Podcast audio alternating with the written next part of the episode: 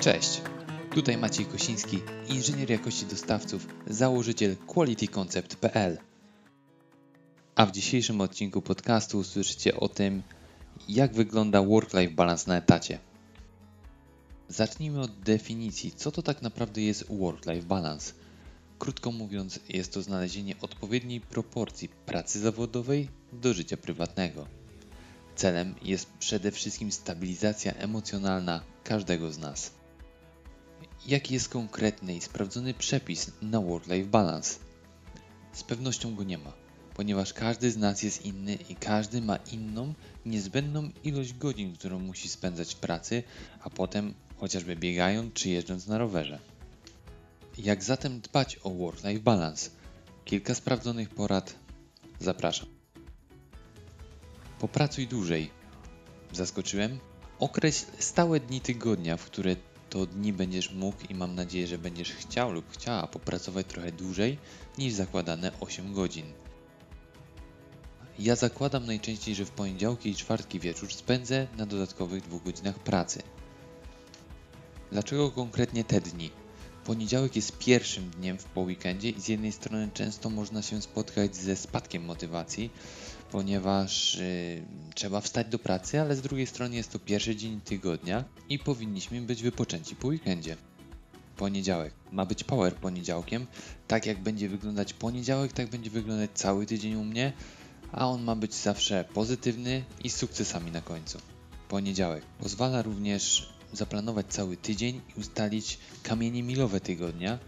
O tych kamieniach będzie kolejny podcast, gdyż wiem, że jest to klucz do efektywnej pracy. Czwartki z kolei są dobrym momentem na zrewidowanie założonego planu i dociśnięcie tematów tak, aby finalnie dopiąć je do końca piątku. Efekt jest taki, że jak ktoś policzy, to pracuje 44-46 godzin. Fakt, pracuje więcej. Ale czy naprawdę pracujecie 8 godzin non-stop? Badania mówią, że 5 godzin pracy to jest ludzki maks, przy którym człowiek może intensywnie w skupieniu pracować. Potem efektywność ta spada, że ostatnia godzina jest praktycznie nieistotna. Najważniejsze to poczucie dowożenia tematów i umiejętności podsumowania dnia czy tygodnia, zadań, które zostały zrealizowane lub też nie, i wyciągnięcie wniosków na kolejny tydzień. Praca zdalna.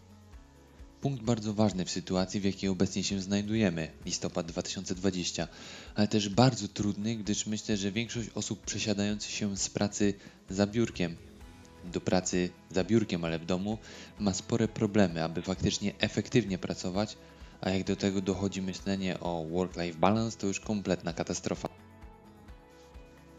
Jest kilka sprawdzonych metod, aby ta praca z domu była całkiem efektywna i wspierała system work-life balance. Wstawaj zawsze o tej samej porze. Ja wstaję o 6 i naprawdę jest ok, jak się do tego przyzwyczaisz. Ubierz się jak do pracy. Nie piżama, ale przynajmniej dobry t-shirt.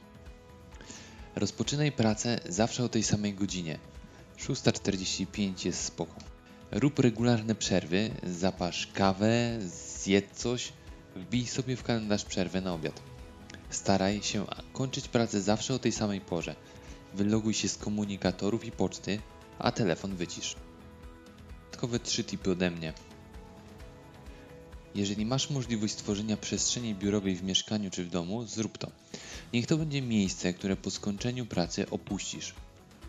Co kilka dni posprzątaj to biurko, tak abyś miał poczucie, że zawsze wchodzisz do posprzątanego przez firmę sprzątającą ofisu. Zorganizuj coffee break ze swoimi kolegami z pracy. 15 minut w tygodniu, a zobaczysz jak każdy będzie zadowolony. Punkt trzeci. Znajdź odskocznie. Co oznacza ta odskocznia? Nie chodzi o piątkowy wieczór ze znajomymi, ale o codzienny rytuał, który spowoduje, że będziesz wiedział, że skończyłeś pracę. Celem odskoczni jest zrozumienie przez Twój organizm, że będzie teraz ten life balance. Ja swoją odskocznię znalazłem na początku w bieganiu, potem w jeździe na rowerze. Przychodzę z pracy i chociaż 40 minut treningu powoduje, że już work się skończył i zaczął się live. Nie uprawiasz sportu? Mnie też czasem po prostu się nie chce, może skoszenie trawy. Ciężko tutaj o rytuał, chyba że dbacie o trawniki jak moi sąsiedzi, ale chodzi o znalezienie tej swojej odskoczni. Codzienne gotowanie, nowy artykuł, rozdział książki. Chodzi o rytuał.